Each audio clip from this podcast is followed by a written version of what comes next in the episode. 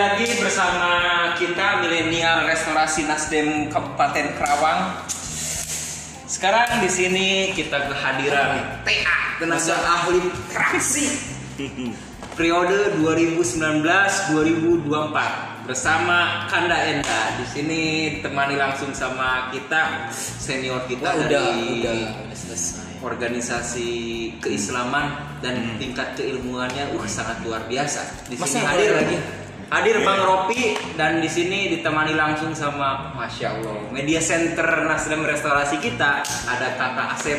Gimana nih? Gimana nih? Gimana gimana? Terus anda siapa yang ngomongnya ini? Saya itu hanya sebatas pembawa acara saja. Saya memfasilitasi semuanya. Perkenalkan dong kan namanya. Nama saya Septian. Udah semua orang tahu dengan suara seperti ini saya tuh Septian.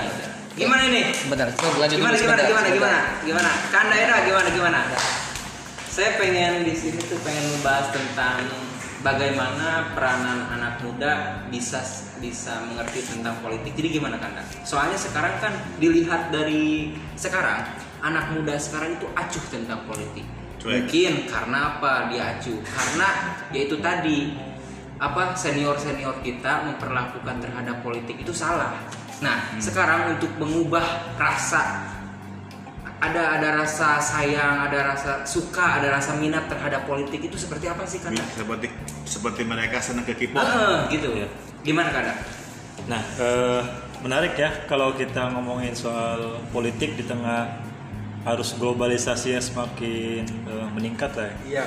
Anggap di era sekarang itu kita memasuki era digital. Apa-apa harus serba digital lah ya, termasuk di dalam dunia politik pun kita harus serba digital. Iya. Contoh kan fenomena yang tadi kita obrolkan sebelumnya soal eh, McD yang lagi viral itu Ya, di Jakarta itu kan itu kan soal branding ya, soal brandingnya eh, menarik lah. Dan marketing Iya, juga. marketingnya menarik. Nah, politik pun eh, harus mempunyai branding yang menarik juga. Nah, di tengah milenial eh, sekarang ini, kayak Partai Nasdem kan dengan slogannya eh, restorasi, Betul. atau misalkan dengan Nasdem sayang kamu kan, nah itu sebenarnya buat menarik minat eh, dari semua kalangan ya, tidak Bukan hanya hanya milenial bukan hanya milenial, tapi semua kalangan. Artinya Nasdem sayang kamu itu kan bagaimana partai Nasdem ini eh, mempunyai kedekatan dengan kaum kaum masyarakat secara luas, terutama partai ID-nya, partai ID-nya.